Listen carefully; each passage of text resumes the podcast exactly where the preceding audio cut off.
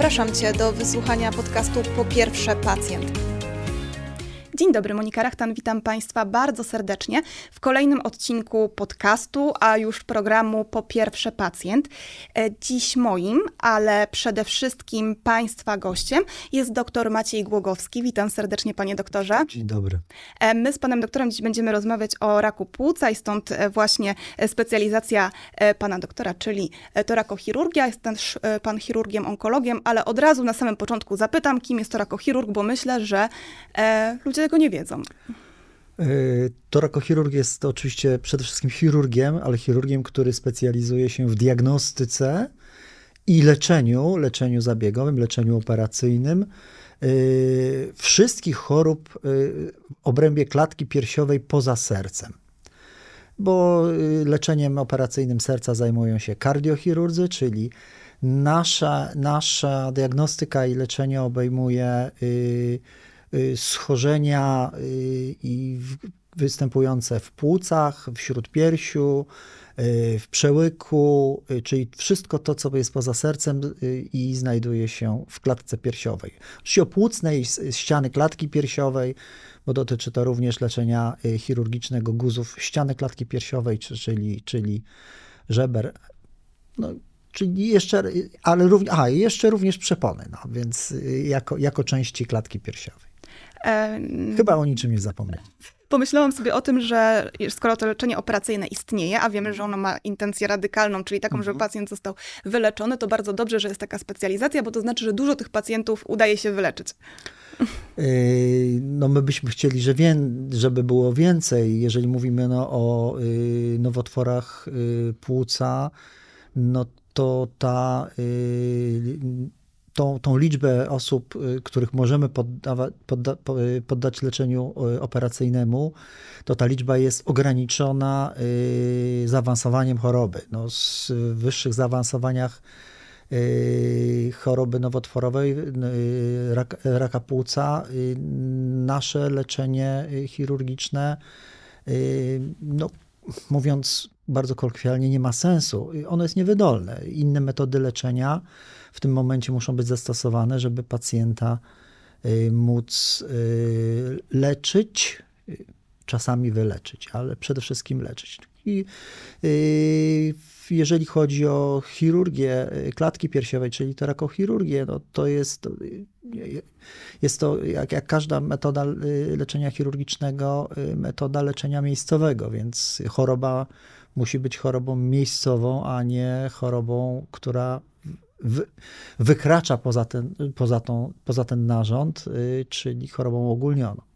E, dużo trudnych tematów i dużo trudnych terminów, myślę, dla pacjentów. I też zapytam od razu, jakie są pana doktora obserwacje. Bo ja myślę o tym, że wielu z nas, kiedy tak jak ja jestem teraz zdrową, młodą kobietą, to w mhm. ogóle nie myślę o onkologii. O, nawet w ogóle nie wiem, że istnieje torakochirurg, e, w ogóle nie wiem, że jest coś takiego jak leczenie systemowe, leczenie operacyjne. Zupełnie nie mam świadomości, bo w Polsce brakuje edukacji po prostu zdrowotnej. Uważam, że to taka elementarna wiedza, którą każdy człowiek powinien posiadać. A potem, kiedy już się staje na tej ścieżce um, onkologicznej, to te wszystkie trudne terminy, które e, pan doktor wymienił, są w ogóle dla pacjentów e, znane i ci pacjenci już wszystko, wszystko wiedzą, tak jest? Mm, z czasem, no, no, my staramy się te terminy y, przybliżyć. Y, czasami y, w naszym słownictwie staramy się je uprościć po prostu. Mm, nazywa, nazywając y, no, leczenie systemowe y, chemioterapią, jeżeli jest to chemioterapia, bo dzisiaj na, na, leczenie systemowe absolutnie nie składa się tylko chemioterapia, ale leczenie ukierunkowane molekularnie i leczenie y, immunokompetentne, które popularnie nazywa się immunoterapią. A ja też e, często, kiedy mam e, okazję komuś tłumaczyć, e, jeżeli chodzi właśnie o leczenie onkologiczne, bo czasem ludzie, też dziennikarze o to pytają, to ja mówię, że leczenie systemowe to jest takie, które trafia do ka każdego kawałeczka naszego ciała. Zgadza się, ponieważ można to też w ten sposób wytłumaczyć. Y, czy podawane jest doustnie, czy dożylnie, tak. forma podania y, nie ma znaczenia. Do, dociera wszędzie. wszędzie. Czyli leczymy chorobę, gdziekolwiek by ona nie była. Mhm. Natomiast leczenie miejscowe no, dotyczy jakiegoś fragmentu danego na, narządu, czy danego narządu i stąd się nazywa leczeniem miejscowym. E, kiedy zapraszałam Pana do tego programu, to mówiłam, że tutaj po pierwsze pacjent najważniejszy jest pacjent i ja zbieram na grupach pytania od pacjentów, na różnych grupach na Facebooku i nie proszę absolutnie o żadną diagnozę, o żadne rozpoznanie, ale może o wyjaśnienie e, pacjentowi, w którą stronę powinien pójść. I tutaj dzisiaj mam takie, e, takie dwa pytania, które znalazłam. Pierwsze, w mojej rodzinie tato i dziadek zmarli z powodu raka płuca. Obaj palili bardzo dużo. Ja nie dotykam tego świństwa, bo nie chcę skończyć jak oni, ale czy taki rak płuca może być dziedziczny? Czy powinienem zrobić jakieś badania? No po pierwsze yy, odpowiedź, że bardzo dobrze, że ta osoba, która w swojej rodzinie ma dwie, miała, czy ma dwie osoby palące, które zachorowały na raka płuca, jest osobą niepalącą. I w tym momencie yy, yy, ryzyko zachorowania spa, spada yy, kilkunasto, kilkudziesięciokrotnie mhm. u, u tej y, osoby. No, na 100 Y, pacjentów z rakiem płuca y, palących jest około 90 y, i jednym słowem ta osoba nie ma potrzeby wykonywania jakichkolwiek regularnych badań, nie jest nawet w grupie objętej, objętej screeningiem raka płuca, czyli programem wczesnego wykrywania. Czyli tak naprawdę badania jakiekolwiek wykonuje wtedy, kiedy jest potrzeba. Czyli jeżeli występuje jakieś objawy u tej osoby, nie, nie mówię tutaj tylko o układzie oddechowym, ale no, różne choroby się u nas zdarzają. Jeżeli ma jakiekolwiek objawy, które go niepokoją, no to w tym momencie idzie do lekarza i ma wykonywane odpowiednie badania w zależności od objawów, które go niepokoją y, i, i występują. Natomiast nie ma żadnego, nie ma żadnej możliwości no, wykrycia e, tego. I nie ma, tu uprzedzam, uprzedzam tego, nie ma żadnej y, formy dziedziczenia, więc on nie dziedziczy skłonności do występowania raka płuca. Najważniejsze, żeby nie odziedziczył skłonności do palenia papierosów, prawda? To jest, znaczy, to, to, jest, to jest najważniejsze. Jeżeli jest osobą niepalącą, to już właśnie osiągnął, mimo że jego jego y, rodzice, dziadkowie palili, to już osiągnął, osiągnął ogromny sukces. Drugie pytanie, które znalazłam, było od kobiety, z tego co pamiętam. Pytała właśnie na grupie, pyta kochani, co oznacza zapis odsetek komórek nowotworowych w badanym materiale 40%.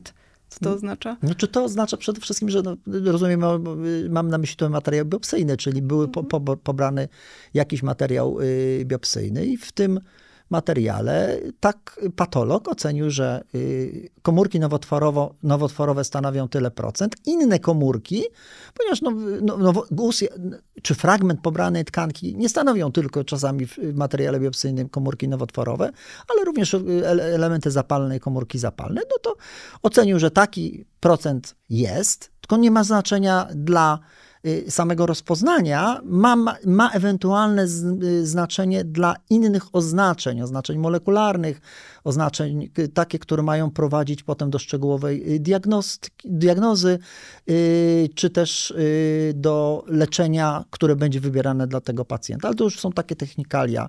To kompletnie nie ma znaczenia, czy tam dla tego pacjenta, czy tam będzie taki odsetek komórek nowotworowych, czy innych. To ma znaczenie dla ewentualnej dodatkowej diagnostyki y, histopatologicznej.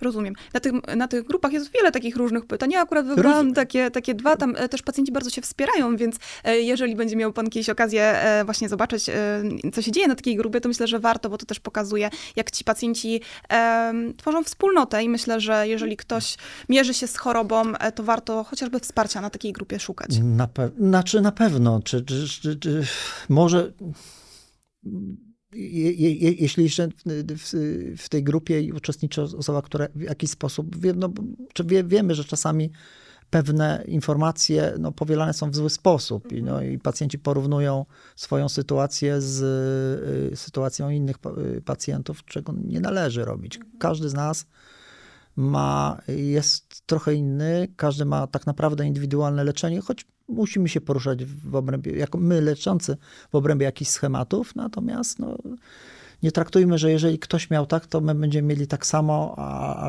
Szczególnie w onkologii. absolutnie. To jest, to, to jest nieporównywalne. To jest nieporównywalne. To jest nieporównywalne. E, Panie doktorze, chyba nikt nie ma wątpliwości, że palenie to jest główna przyczyna zachorowania na e, raka płuca, o czym pan powiedział na samym początku, że 9 e, na 10 pacjentów tak, tak z rakiem tak. płuca.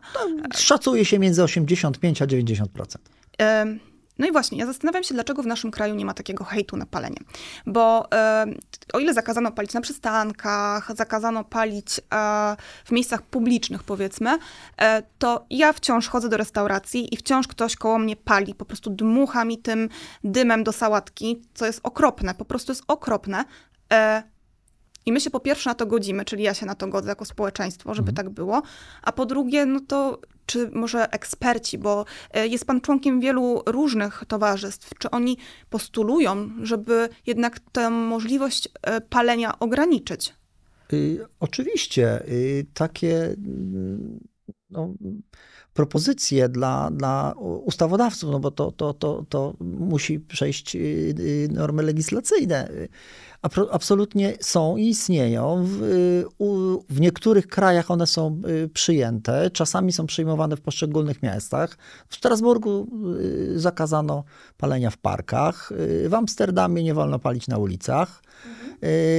w Hiszpanii ogólnie nie można palić na plażach. Mhm. I no, można tutaj mnożyć. W tej chwili w niektórych krajach słyszałem, że jest, jest propozycja, że nie wolno palić w prywatnym samochodzie. O, ciekawe. Też zawsze mnie obrzydza, jak widzę, że ktoś e, jedzie, jeszcze ma zamknięte okno i pali. Nie możemy rozmawiać przez telefon komórkowy, bo to, koszt, mhm. to, to, to, to może skutkować mandatem, prawda? Dlatego, że mam, mo, możemy mieć jedną rękę zajętą, teoretycznie, mhm. Ale palić możemy, tak? No właśnie, a też przecież musimy trzymać tego papierosa. Tak. O, to ciekawe. Ale w Polsce? Nie, w Polsce nie ma. Nie, nie ma takiego zakazu, aczkolwiek oczywiście takie, takie propozycje Y, istnieją, y, no, musiałyby no, przejść, przejść normy legislacyjne. Powinno się. Y, to, co obowiązuje w Polsce, dotyczy tak zwanych miejsc publicznych, zakładów pracy, miejsc użyteczności publicznej, przystanków. I egzekwujmy je tam, gdzie one istnieją. Potem je rozszerzajmy. Ale absolutnie ja się zgadzam, że, że, że na niekt w, niektórych, w niektórych aspektach codziennego życia powinno być to rozszerzone. No, nikt sobie nie wyobraża w tej chwili, no ja pamiętam takie czasy, żeby ktoś palił w autobusie. Albo w szpitalu. Nie, no to sobie też nie wyobrażam. Na, natomiast natomiast no, tak było. Tak było, tak było. prawda. Y nie pamiętam już, z którego roku jest y, ustawa, która wprowadziła całkowity zakaz, y, nie chcę się tutaj pomylić, w latach mm -hmm. 2000 szósty? Nie, nie, nie, pamiętam. Tak, ale były to lata 2000. Tak, wbrew, wbrew, wbrew, pozorom, wbrew pozorom niedawno. No. A biorąc pod uwagę ten ostatni wzrost odsetka ludzi palących, niepokojący, bo w pewnym momencie było spadek, potem plateau, a w tej chwili wzrost od 2021 roku, yy, powolny od 2018, to okej, okay, to znaczy, że te normy przekazu, zakazu i tak dalej przestały funkcjonować. Czyli, mu, czyli musimy iść krok dalej w różnych aspektach naszego życia. Y, no ale to wymaga y, no, ustawień no, legislacji, to, to, to, to, wymaga rozporządzeń, ustaw i tak dalej. To tutaj yy, piłka jest po stronie rządzących. A proszę powiedzieć, co pan sądzi o opiniach? Ja czytam takie w internecie, że pacjent, który palił, to sobie sam powinien płacić za leczenie raka, bo skoro palił i był e, na tyle głupi, żeby palić, to teraz niech sam sobie płaci. Dlaczego z moich podatków mają być leczeni pacjenci, którzy palili? No, z moich podatków, z podatków tego pacjenta również, z, z, z, y, ze stawki, no, ale proszę, panie tak no, przekornie od, odpowiem, no. Okej, okay, będziemy, będziemy w ten sposób y, karać y, również osoby otyłe za to, że mają częściej nadciśnienie, że mają częściej y, chorobę serca, że mają częściej cukrzycę, no to, to, to jest absurd jakiś kompletny, prawda? Ja już pomijam najważniejszy dokument w naszym kraju, czyli konstytucję, która no, no w ogóle przeczy takim e, zachowania. No. Y, jedyną formą y, w cudzysłowie oczywiście karania, no to jest podniesienie ceny papierosów. No i tak. tak już płaci. I oczywiście wtedy można się zastanawiać, czy część z tego, co nazywamy podatkiem, takim czy innym... Y, powinno nakłada... trafić, prawda? Nie, powin, nie powinno trafić. Natomiast yy, potem to jako, jako, jako, jako, jako pieniądze no, publiczne no, są rozdzielane przez no, u nas jedyny istniejący płatnik, czyli Narodowy Fundusz Zdrowia, tam, gdzie one powinny być, gdzie one powinny być ulokowane, czy, czy w kardiologię, czy w onkologię, czy w leczenie dzieci, czy w choroby rzadkie. No mnóstwo można wymieniać, no ale to, to już jest y, temat zupełnie ja, ja o to zapytałam, bo czytam takie opinie w internecie. Nie, takie... nie, nie, nie, to, to jest absurd jakiś kompletny. E, na początku e, powiedział e, pan, że przyczyną główną przyczyną raka płuca jest palenie. Już to dzisiaj dwa razy powtórzyłam, ale czy są jakieś inne czynniki w ogóle, które mogą spowodować? No, nigdy nie paliłam, a, a czy ja mogę zachorować na raka? No skoro y, około 10% osób, które nigdy nie miało papierosa w ustach, jednak choruje. Oczywiście do, liczmy do tego jeszcze to ryzyko yy, palenia biernego. Jeżeli ktoś, ktoś palił obok nas, to ryzyko jest około dziesięciokrotnie niższe, spada, jeżeli, ale przebywanie w samym, w samym yy, środowisku ludzi palących jest na pewno też, też, też szkodliwe. Yy, no ale zanieczyszczenie środowiska. Mhm. To, czyli ten popularny smog który, smog, który, o którym mówimy. Y, w tym powietrzu znajdują się różne czynniki rakotwórcze, sol, y, sole metali, metali ciężkich. Y, związki radonu są tak samo rakotwórcze, wielonienasycone węglowodory aromatyczne. Jest cała lista, prawda? Ca, cała lista. Promieniowanie jonizujące, oczywiście jest cała lista. Najważniejszym znanym są papierosy, no bo tych substancji kancerogennych, rakotwórczych y, jest y, tam kilkadziesiąt. E, niektóre laboratoria e, serwują nam pakiety na raka. Sprawdź, czy masz raka, już, e, czy masz ryzyko chorowania na raka. Już pan powiedział na początku, że nie ma badań, które pozwolą mi jakby zidentyfikować, czy ja zachoruję, czy nie zachoruję. No właśnie, czy takie warto inwestować w takie pakiety nie warto. Nie ma, nie, nie ma badania, nazwijmy to, czy on będzie, będzie badanie genetyczne, czy badanie markerów, y, jak to pacjenci określają, nowotworowych, które poprzez pobranie próbki krwi, bo tak to rozumiem, ma, ma, ma, ma wyglądać, yy, odpowiedzą na pytanie nam, czy mamy zwiększone ryzyko zachorowania na y, raka płuca, czy y, ewentualnie, no może mamy już tego raka płuca, ale go jeszcze nie widzimy. Nie ma takich badań. Oczywiście są y, z punktu widzenia naukowego prowadzone różne badania różnych substancji. To głównie dotyczy mikroRNA w tej chwili, które być może kiedyś w przyszłości stan, staną się pomocne, pomocne, ale tak naprawdę jako badanie dodatkowe do istniejącego w tej chwili jedynego, jedynego badania y, przesiewowego, które, które y, znacząco zmniejsza umieralność z powodu raka płuca, czyli do niskodawkowej tomografii y, komputerowej. Więc nie ma, proszę Państwa, tu zwracam się do, do słuchaczy, nie ma badania takiego, nie chcę nazwać tego wyciąganiem pieniędzy. Y, od, Ale trochę od, tak jest, że jest to no wyciąganie. No, Każdy się boi w Polsce raka. Przecież boimy się okay, i raka. Okay. No i pobierzemy sobie i czasami dowiemy się zupełnie rzeczy absurdalnych, no, bo nic z tego nie wynika. Natomiast niepokój w, na, w nas wrośnie. No, yy, wzrasta w nas niepokój, natomiast na, na nasze zdrowie yy, psychiczne, a to jest część naszego zdrowia, jest poważnie naruszone. No i że zaczynamy żyć w ogromnym stresie, że coś się wydarzy. A to jest kompletna nieprawda. Jest naprawdę kilka, kilka nowotworów, których istnieje coś takiego jak dziedziczenie. Y, I, i tam można określić ryzyko, y, zwiększone ryzyko zachorowania, ale to dotyczy do, do dziedzicznego raka piersi, dziedziczenia genów BRCA1, BRCA2, ale to znowu jest z kolei niewielki procent całej populacji pacjentek chorujących na raka piersi. To dotyczy raka rdzenia z tego tarczycy, czy też raka jelita grubego na, na, na, na bazie polipowatości rodzinnej. Ale to naprawdę to można kilka nowotworów wymienić, gdzie mówimy o jakimś dziedziczeniu i zwiększonym ryzyku. Czyli nie warto ulegać takim modom, tak? Bo musimy tutaj pamiętać o tym, że na tym zdrowiu naszym, no niestety ludzie... Oczywiście. No to niestety tak jest. To, to świat tak jest strasznie zbudowany, że ktoś będzie chciał korzystać na, na, na, na różnych rzeczach których nie powinien, no, bo nie ma, nie ma naukowo udowodnionej w tej chwili żadnej taki, takiej metody. Ale może powiedzmy o tym, co warto zrobić. Ja myślę, że na przykład warto pójść, e, zbadać się w programie profilaktycznym w kierunku raka płuca, jeżeli jesteśmy w grupie ryzyka, czyli jeżeli do mnie ten program jest kierowany, właśnie do kogo? Tak jest. Y, tutaj to jest, jest absolutnie warto. Program, program y, wczesnego wykrywania raka płuca, no, program y, badań przesiewowych raka płuca, bo tak to się, się nazywa, czy też screeningu raka mhm. płuca, no bo te, te, te nazwy są y, używane y, zamiennie. Y, jest dedykowany dla osób palących. Mhm. Co najmniej 20 paczkolat, czyli co oznacza 20 paczkolat? No to jest 20, 20 papierosów, czyli paczka dziennie, Yy, przez 20 lat lub na przykład dwie paczki przez 10 lat. Mhm. To tak samo yy, oznacza 20 paczkolat i to są osoby, które palą lub paliły, ale ten okres y, ostatni odrzucenia palenia y, jest y, mm, no, nie dłuższy niż, niż 15 lat. Czyli jeżeli rzuciły 10 lat temu, to nadal jest to do nich dedykowany program.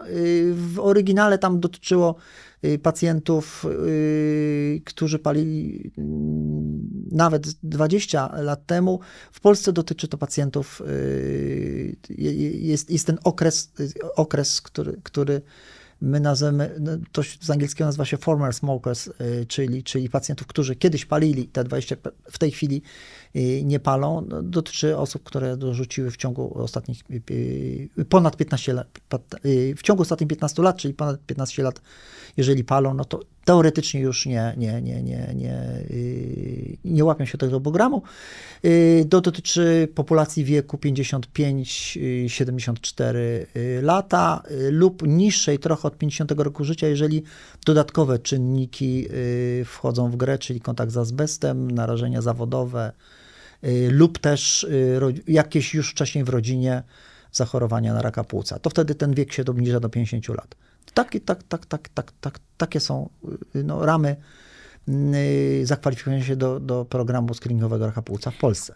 A czy jeżeli słuchając naszego programu, już wiem, że jestem w tej grupie, która powinna wykonać to badanie, to czy gdzieś w internecie, gdzieś jest miejsce, w którym mogę znaleźć jakąś listę ośrodków, bo gdzie ja mam w ogóle pójść na to, na, na to badanie, na tą tomografię? Bardzo proste jest do znalezienia. W internecie y, jest to pod, w, jest na, na, y, pod adresem pacjent.gov.pl programy przesiewowe. Tam jest pełna lista łącznie z telefonami, więc można sobie wybrać najbliższy ośrodek, zadzwonić. Yy, yy, tam są też informacje, do kiedy ten program w danym roku jest prowadzony, do, do, do, do, do, do, jakie, do którego dnia, zadzwonić, powiedzieć, tam jest, jest, jest to sprawdzane, czy pacjent jest w tej, w tej grupie ryzyka i czy może być włączony do programu. Oczywiście, jeżeli yy, te, ta, ta, ilość miejsc, która, która yy, no, podlega całkowitej refundacji, w tym momencie to badanie jest bezpłatne, no, jeszcze ten ośrodek tym, tym, tym, tym dysponuje. Tym limitem dysponuje. Tak, dokładnie tak nazwijmy, limitem. Ale jeżeli pacjent y, chce wykonywać to komercyjnie, to też y, jest mnóstwo... Czyli za swoje pieniądze. Je, tak, tak. To jest oczywiście mnóstwo ośrodków, które wykonują niskodawkową y, tomografię komputerową. Mówię o pracowniach tomografii komputerowej, które w swojej ofercie mają wykonanie niskodawkowej tomografii komputerowej. Tam oczywiście żadne limity ani wiekowe, ani palenia papierosów. No, badanie jest płatne, komercyjne, ale, ale to, co jest bezpłatne, to jest program, y, Narodowy Program wy, Wykrywania, w Narodowym Programie Wykrywania Chorób Nowotworowych y, jest to, y, ja w tej chwili nie pamiętam, ilu to na rok 2022-2023 dotyczyło, jak, jakiej liczby chorych do przebadania. Nie chcę skłamać, bo to...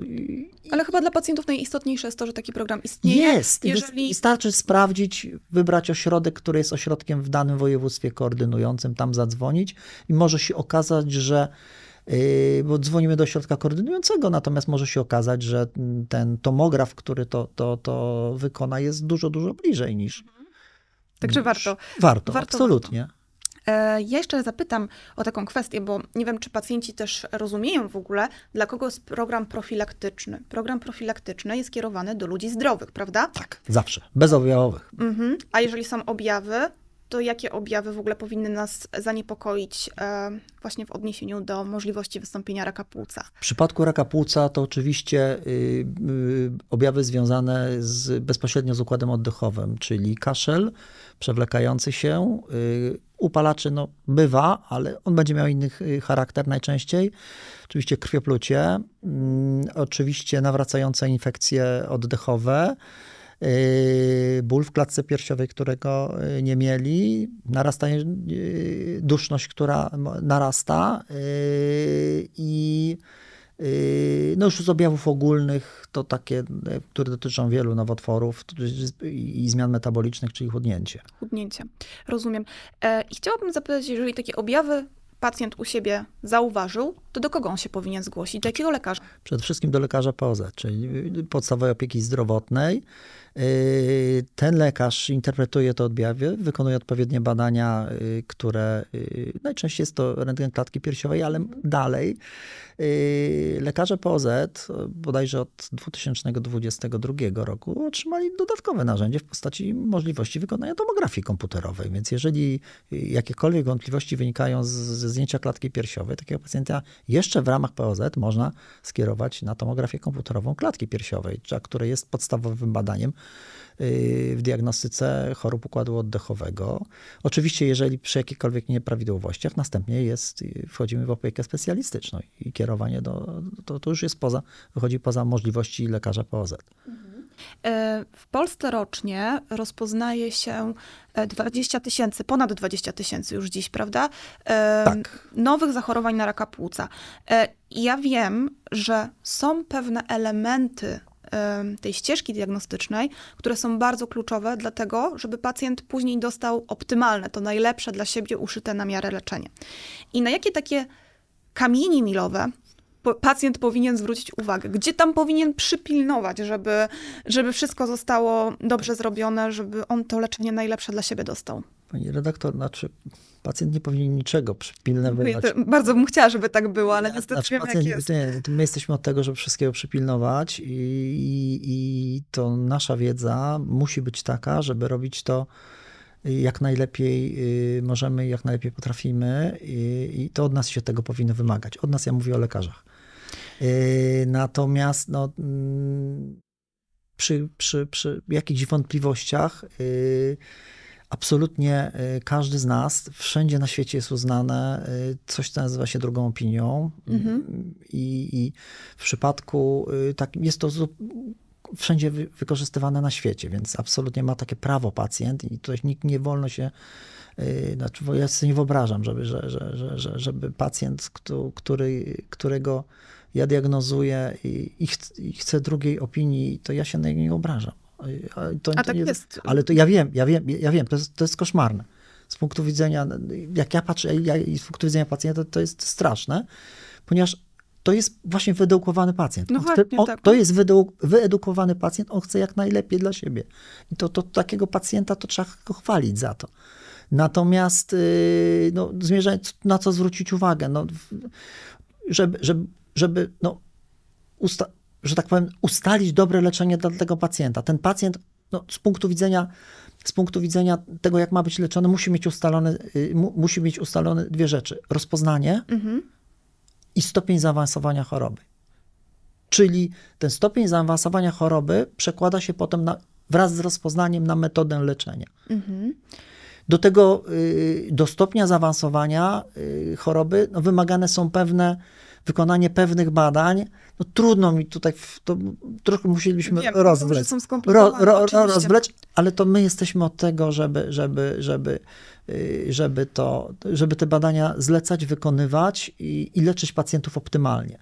W przypadku y, leczenia mm, systemowego, czyli wtedy, kiedy pacjent no, nie może być leczony z powodu zaawansowania w sposób miejscowy, y, tak jak powiedziałem wcześniej, trzy metody leczenia podstawowe, y, to już nie jest, tylko, nie jest tylko chemioterapia, to jest również leczenie ukierunkowane molekularnie, ale w określonych wskazaniach, mhm. w określonej grupie y, y, y, nowotworu płuca z określoną, z określonym y,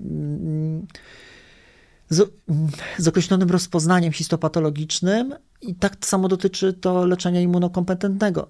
Wtedy są konieczne do wykonania dodatkowe badania yy, histopatologiczne lub też molekularne, które nam przy, przy, no, odpowiedzą na pytanie, czy to jest kandydat do takiego leczenia mhm. i czy to leczenie ma przewagę nad tym, co nazywamy chemioterapią. Rozumiem.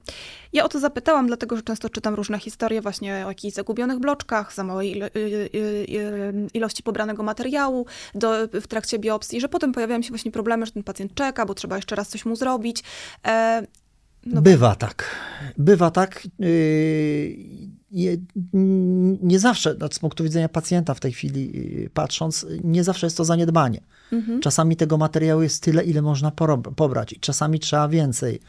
Znaczy, co do zagubionych bloczków, no to, to, to, to już nie jest, to, to, to już jest jakby nie patrzeć, to jest jakieś zaniedbanie, natomiast, natomiast z punktu widzenia ilości materiałów, my nie zawsze na, na, na to mamy wpływ. Pobieramy badanie biopsyjne, a to, ile w tym y, jest materiału, określa histopatolog, czyli ex post, my dowiadujemy mhm. się. I czasami bywa tak, że rzeczywiście dla doprecyzowania yy, wymagane jest. Szczególnie u pacjentów, u których jest to bardzo istotne z punktu, yy, z punktu widzenia leczenia i rozpoczęcia tego leczenia, y, gdzie ten rozpoczęcie leczenia od takiej, a nie innej metody może mieć znaczenie w rokowaniu. Rozumiem. E, od niedawna pacjenci mają nową supermoc w postaci koordynatora, prawda? Jest taki człowiek, który, który powinien być koordynatorem leczenia onkologicznego. On się pojawił na oddziałach. Wydaje mi się, że na oddziałach leczących e, raka płuca on jest szczególnie ważny. No właśnie, czego ja mogę chcieć od tego koordynatora? To znaczy tak, y, jest to związane z ustawą Krajowej Sieci Onkologicznej. Y, osoba koordynatora ma być osobą taką jakby pośredniczącą i, i między lekarzem a y, pacjentem i osobą koordynującą w, jakiś sposób y, działania i takim, tak to nazwijmy brzydko, bardzo informatorem mhm. y, dla, dla, dla pacjenta, czyli czasami ułatwia poruszanie, poruszanie w się w tym systemie. Ten system jest różny w różnych placówkach, bo inaczej one są skonstruowane. Y, on działa y, we wszystkich y, cancer unit, tak jak jest, mamy w tej chwili Czyli breast ośrod... cancer unit. tak jak, doskonałości, prawda? Dokładnie, mhm. o, świetnie, tak. No, tak samo działa w, w kolorektal, czyli w nowotworach jelita grubego. Tam, gdzie to już zostało nie istnieje jeszcze, jeszcze w Polsce, jest na, na etapie budowania coś, co się nazywa Lung Cancer Unit i kto tam musi być i jak ma być ten ośrodek y, skoordynowany, skonstruowany, bo w niektórych sytuacjach to nie będzie jeden budynek, jeden ośrodek y, i jedna placówka, tylko współpracujące ze, ze sobą dwie, trzy placówki na terenie danego y, miasta. Natomiast to jest osoba, koordynator to jest osoba, która ma pomóc znaleźć się w tym wszystkim pacjentowi. Rozumiem. Ja myślę, że szczególnie ta osoba koordynatora jest kierowana do osób na przykład starszych, prawda? Bo kiedy jest pacjent 70-letni, 75-letni, 80-letni trafia na ten oddział onkologiczny, na tego wielkiego szpitala, do centrum onkologii, w którym e, pan doktor pracuje, to myślę, że już odnaleźć się w ogóle w tym pierwszym formularzu, który trzeba wypełnić dotyczącym e, udostępnienia danych e, do mm, pobrania dokumentacji medycznej. Czy tego wszystkiego jest tak dużo, że ci pacjenci naprawdę potrzebują takiej pomocnej dłoni? Znaczy ta dokumentacja no, jest, jest niezbędna z, z punktu widzenia prawnego. No, Oczywiście, to jest to, jasne. To, to, to, narzuca no, Narodowy Fundusz Zdrowia, co, jak, jaka dokumentacja jest niezbędna i ona musi się znaleźć. Natomiast yy, bez względu na to, czy ten pacjent ma 80 lat, yy, on jest tak zagubiony, proszę mi wierzyć, mhm. czasami wchodzi do, wchodzi do gabinetu, ma... Yy, wysłuchuje to, co ma, yy, mamy do powiedzenia, jakie ma badania mieć zrobione, dostaje kartkę z opisem, jak, jak te badania, kiedy są i tak dalej. I za pięć minut zapomina wszystko. No to jest ogromny stres. Ogromny stres. Prawda? To, to nie, nie, ma się, nie, nie ma się co dziwić. To jest, to jest po prostu ogromny stres. I na pewno, jeżeli wie, że jest osoba, do której można zadzwonić, bo to jest, no nie chcę powiedzieć, że online telefon, ale, ale której można zadzwonić, która to wszystko jeszcze raz powtórzy, powie, przejdzie z tym pacjentem, jeżeli trzeba będzie.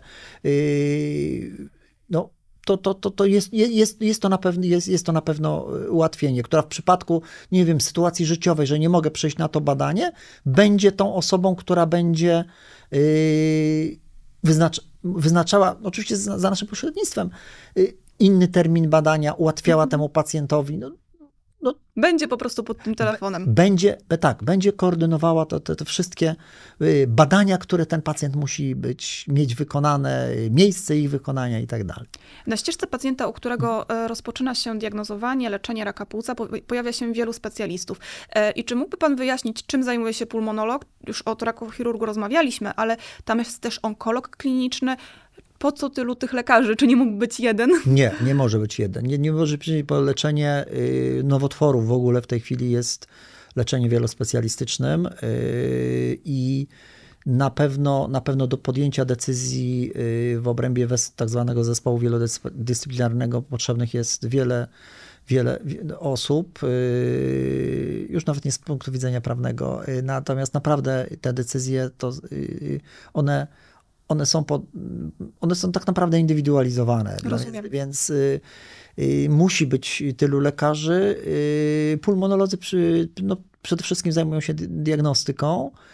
Y, aczkolwiek w, na oddziałach pulmonologicznych podawane jest również leczenie systemowe, szczególnie chemioterapia, mhm. bo tak zostało to usankcjonowane no, wiele lat temu, no, jeszcze w latach 90. Yy, ale Trzeba pamiętać, że pulmonolodzy zajmują się szeroko rozumianą diagnostyką y, pulmonologiczną, więc nie tylko mhm. raka płuca, ale również innych schorzeń. Mhm. Y, dodatkowo część z pacjentów z rakiem płuca to jest pacjenci, którzy mają jakąś inną chorobę płucną, PHP. PHP, tak, oczywiście. Więc to, to też, też, to trzeba, też to trzeba w jakiś sposób y, skoordynować. Yy, onkolodzy kliniczni, no to tak jak już wspominałem, leczenie systemowe. Rozumiem. Jeszcze e, jest radioterapeuta, yy, czyli ten, który będzie zajmował się yy, leczeniem napromienieniem tego pacjenta. Rozumiem. No czyli faktycznie tych wielu specjalistów pacjent, e, pacjent pozna. A ja chciałabym zapytać, czy te poszczególne procedury, które są wykonywane przez pulmonologa, czy też torakochirurga? Tak, bo my tu, tutaj, jeżeli chodzi o, o, chodzi o diagnostykę, mhm. y, która ma doprowadzić do rozpoznania, to po części to wszystko zależy w jakim miejscu, w jakim ośrodku, w jakim województwie, w jakim szpitalu y, robią to pulmonolodzy, albo mogą to robić, yy, robić to yy, torakochirurdzy. Ale ja chciałam zapytać, czy to boli, bo kiedy myślimy o na przykład biopsji przeskładkowej, kiedy ja nawet wypowiadam to słowo, to już się boję i już wiem, że to na pewno będzie bolało i zastanawiam się, jak pacjenci to odczuwają. Znaczy, zabiegi, jak każdy, jak każdy zabieg inwazyjny, no niesie za sobą, yy, zarówno może nieść za sobą ból, niewielki, ale może, yy, może dyskomfort, no bronchoskopia może nie jest bolesna, ale jest nieprzyjemnym badaniem.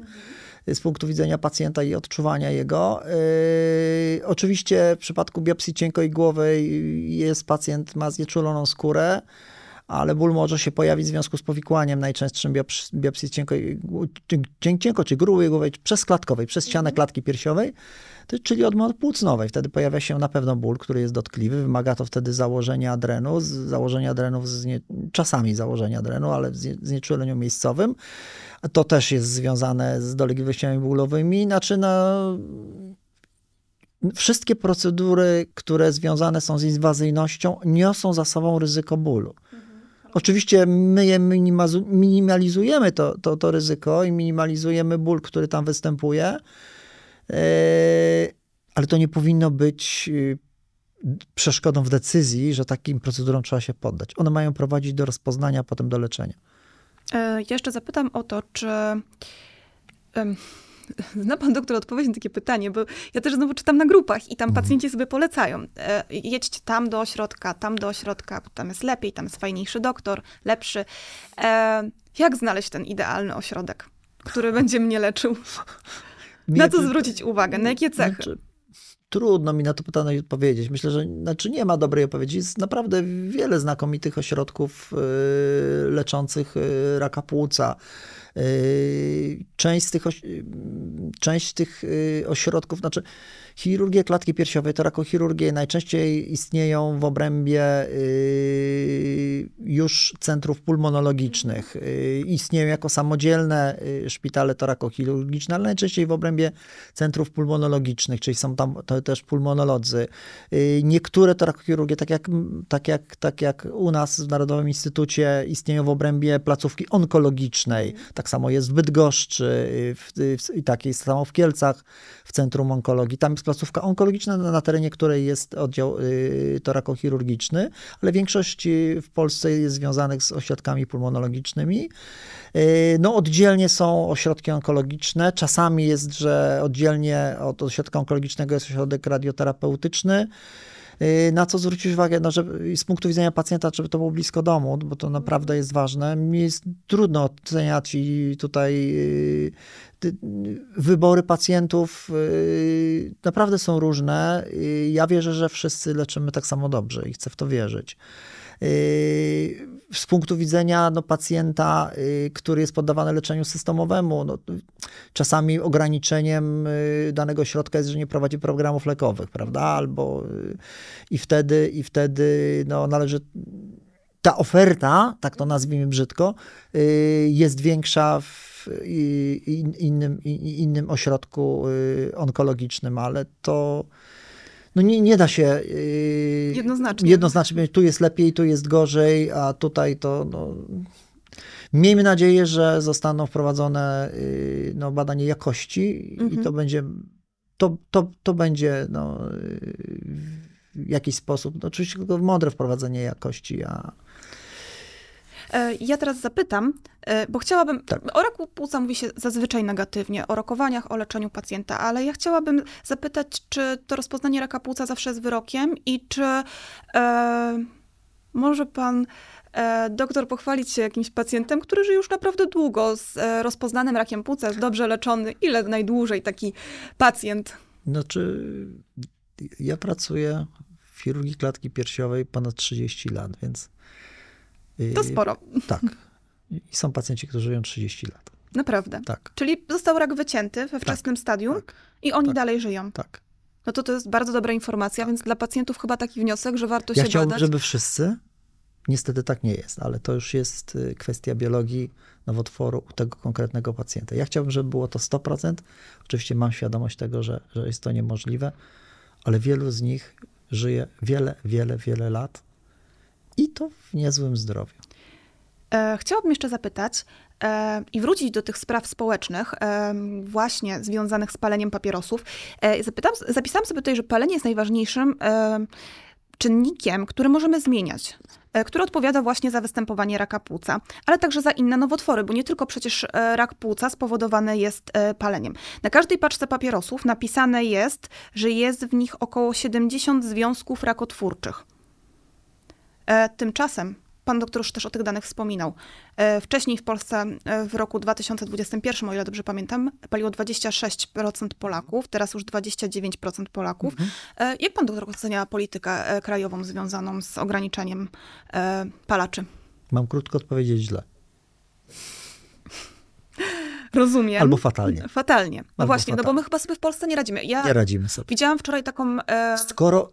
Y z liczby ponad 35% y, z lat 90. zeszliśmy do bodajże w pewnym momencie 21% w 2015, 14-15 roku. Potem było takie plateau mhm. i nagle mamy znów wzrost. Mhm. To znaczy, że ta polityka jest nieskuteczna.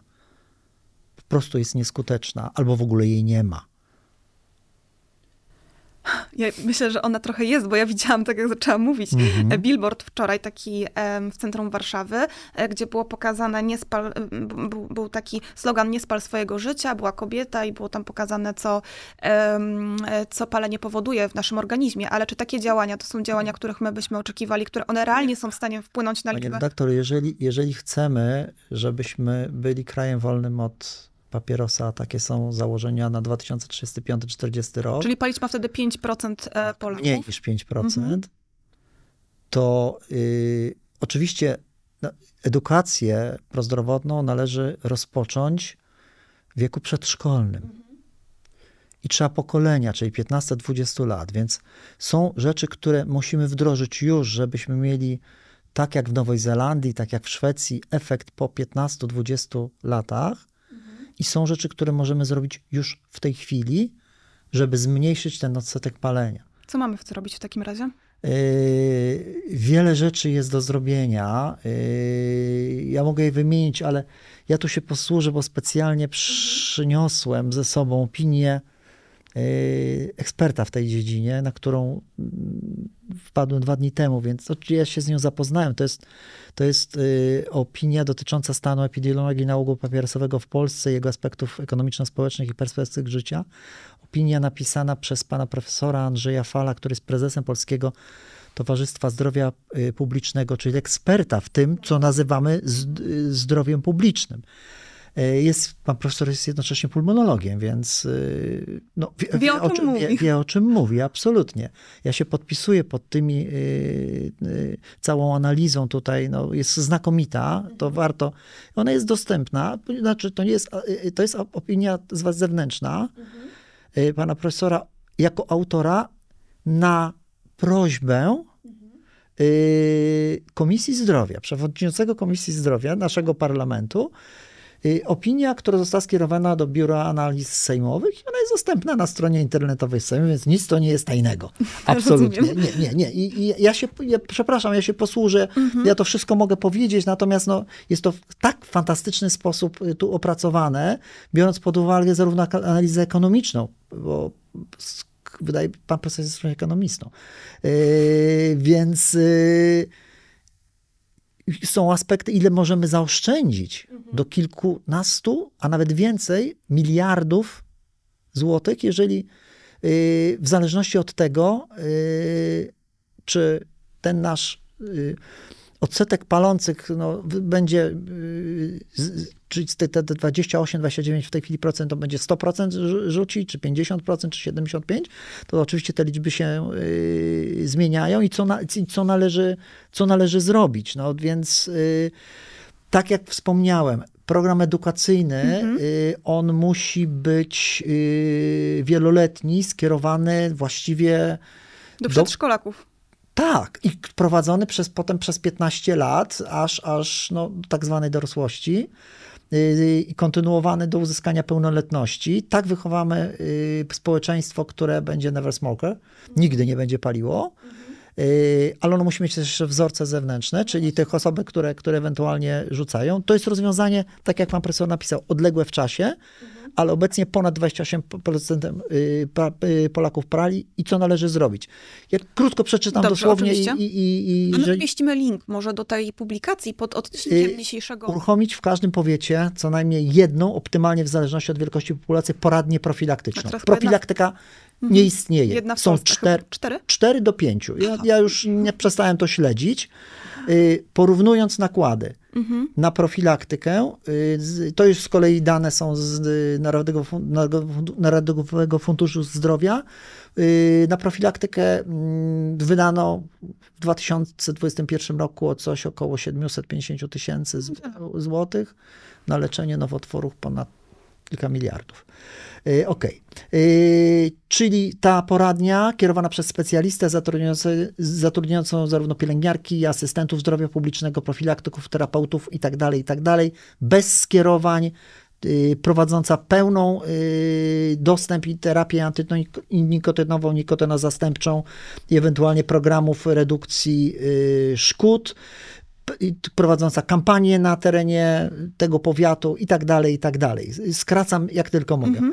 Y, licencjonowanie wyborów, y, wyrobów y, papierosowych, czyli żeby no nie było, do, do każdego sklepu pójdziemy. Tak, te kolorowe półki, prawda? Świecące różne. To jest, to jest reklama, świecące i mówiące, mówiące no, do nas, ale możemy kupić no, w szybkiej sprzedaży na stacji benzynowej. To cię mhm. powinno zlikwidować rozwa y, rozważenie licencjonowania, czyli tak jak zrobiono w Hiszpanii czy we Włoszech, papierosy można kupić tylko w konkretnych sklepach. Mhm. Łatwiej kontrolować tą sprzedaż tak. jest, łatwiej, łatwiej y, kontrolować nawet napływ y, no, z podziemia nikotynowego albo z importu nielegalnego. Mhm. Te, mając mając, mając te, takie, takie rozwiąza rozwiązania. Oczywiście kroczący, podat, y, kroczący podatki, czyli podwyższenie akcyzy i w tym samym oczywiście ceny, na, pie, na, papi, na, papierosy jako produkty najwyższej y, szkodliwości i y, kroczący wzrost akcyzy, y, który wpływa na decyzję y, palaczy, no, będzie wpływał. To, to jest, no to na pewno, patrząc tak na jest, inflację, prawda? Oczywiście, y, ponieważ mnóstwo produktów istniejących, pojawiających się na rynku są, są tak zwane te produkty papierosozastępcze kompletnie są, to, znów z, punktu widzenia legislacyjnego jest ogromny bałagan i trzeba powołać specjalną grupę ekspertów medycyny, ekonomii zdrowia publicznego do weryfikacji aktualnego stanu wiedzy na, na, na, na ten temat yy, i ewentualnie sfinansować środków publicznych i pod, pod takim właśnie nadzorem badania oceniające skuteczność, bezpieczeństwo i stopień redukcji szkód, jeżeli taka grupa ekspertów uzna, że dowody dotychczasowe są nie, nie, niewystarczające. I oczywiście yy, zweryfikować legislację tak, aby wszystkie produkty kojarzone z paleniem i nikotyną podlegały tym samym zasadom ograniczeń w sprzedaży i promocji. I w tej zdefiniowanej grupie yy, należy yy, i po, po, wykonaniu tych badań y, uporządkować akcyzę zgodnie z, z, przesłaniem, że co mniej szkodliwe, to ma niższy taks. Oczywiście wszelkie, y, podkreślam, wszelkie programy redukcji szkód mhm. mogą być tylko i wyłącznie, to pan profesor potwierdza, kierowane tylko do osób palących, mhm. które chcą zerwać z nałogiem. Rozumiem.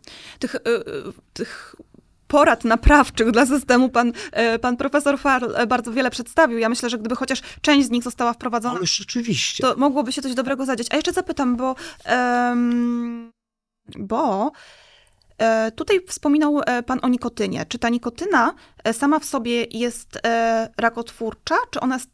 Nie, nikotyna jest substancją silnie uzależniającą. Nie ma żadnego dowodu naukowego na to, że nikotyna jest substancją rakotwórczą. E, ale jest tą substancją, która uzależnia. Wszystko to, co Czyli się... powoduje, że sięgamy po... Tak jest. Nie możemy się odzwyczaić. Nie mhm. możemy potem y, z tego zrezygnować. Y, natomiast y, rakotwórcze są wszystkie inne substancje, które znajdują się w dymie papierosowym, czy też w aerozolu, w e-papierosach. Niestety bardzo popularnych również w tej chwili. Jakie trzy najważniejsze rzeczy z naszej dzisiejszej rozmowy powinni zapamiętać nasi słuchacze?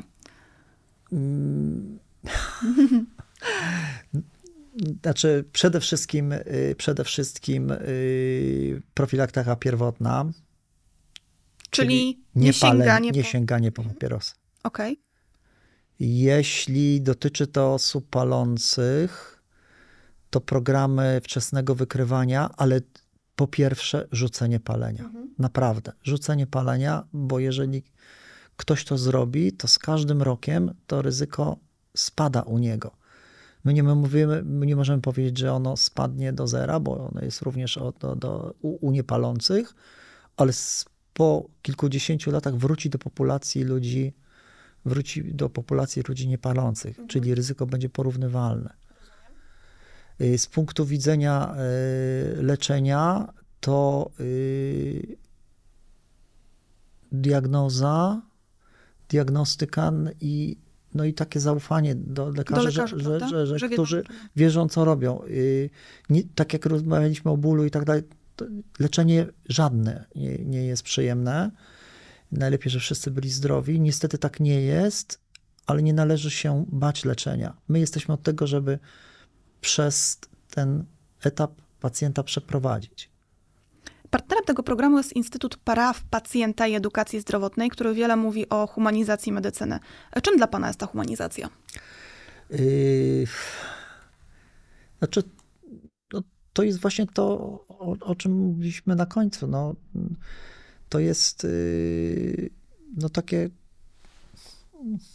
Czy stworzenie więzi, powiedzmy, między, między lekarzem a pacjentem, więc więzi opierającej się na współpracy, na pewno na empatii, mhm. na y, zrozumieniu, uszanowaniu y, różnych aspektów życia tego pacjenta, aspektów kulturowych, bo to różne, mhm. różne, różne one są i, i, i stworzenie, no, to jesteśmy w tym momencie partnerami.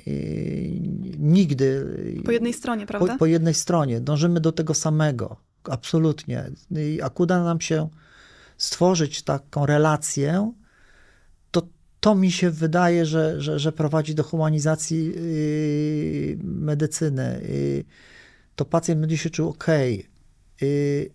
Ja nie wiem, co ze mną będzie, bo ja też, ja też nie wiem. Lecząc pacjenta, tak jak już powiedziałem, operując, yy, ja wiem, że stwarzam sytuację, gdzie on może być wyleczony, czyli ta choroba nigdy nie nawróci. Ale wiemy, że w, w konkretnej sytuacji tego pacjenta, ja nie wiem, czy to się stanie jego udziałem. Rozumiem. Ja chcę, żeby tak było. Ja wiem, że na to jest ogromna szansa, ale nie wiem, że tak będzie. Ale jeżeli, jest, że tak powiem, jesteśmy, jesteśmy po jednej stronie i rozumiemy się z pacjentem, to on też to wie i zawsze będzie się stawiał po lepszej stronie. Tak, tak, tak, jemu ma się udać jemu ma się udać. Oni wracają do pracy, mhm. to są osoby potem czynnie, czynnie pracujące, yy, które jeszcze wiele mogą dobrego zrobić dla, dla, dla yy, swoich rodzin przede wszystkim, ale, ale dla szeroko, szeroko rozumianego społeczeństwa, naprawdę. Mam paru pacjentów, którzy kilka mostów i dróg wybudowali yy, jeszcze po tym, jak byli chorzy.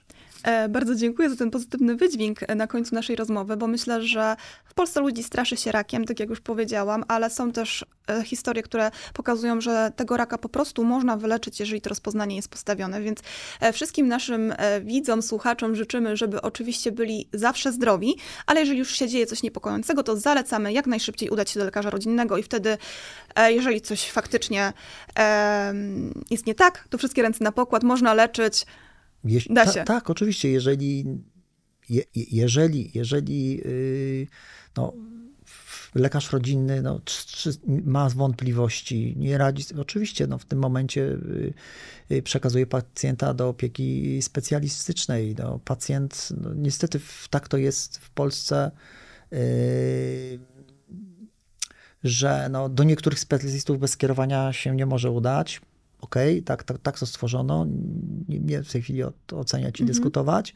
Do onkologa mhm. może pójść bez skierowania, aczkolwiek w tej sytuacji, ale w, w, te, w, tej, w tej sytuacji onkolog go na pewno gdzieś odeśle, bo nie, tak jak powiedziałem, onkolog kliniczny nie diagnozuje. nie diagnozuje. Tak, on leczy, jeżeli musi leczyć Dokładnie. systemowo. Tak, on, on może coś zrobić, ale w momencie, kiedy, kiedy, kiedy wymaga to, ale może uznać, że wymaga to diagnostyki inwazyjnej i no w tym momencie, w zależności od tego, w, jak, w jakim ośrodku będzie pacjent, albo skieruje to do pulmonologa na diagnostykę, albo skieruje do chirurga klatki piersiowej. Tak jak do nas czasami trafiają pacjenci najpierw do kolegów onkologów i, i no, tylko to się dzieje w sposób prosty. No, to jest gabinet w gabinet i, i, i, są szybko kierowani do nas i my się podejmujemy tej diagnostyki. Ten pacjent potem ma ustalone rozpoznanie, stopień zaawansowania choroby i jest leczony zgodnie z rozpoznaniem i stopniem zaawansowania. Panie doktorze, bardzo dziękuję za naszą dzisiejszą rozmowę. Również bardzo dziękuję. Bardzo dziękujemy naszym widzom, naszym słuchaczom. Dziękujemy.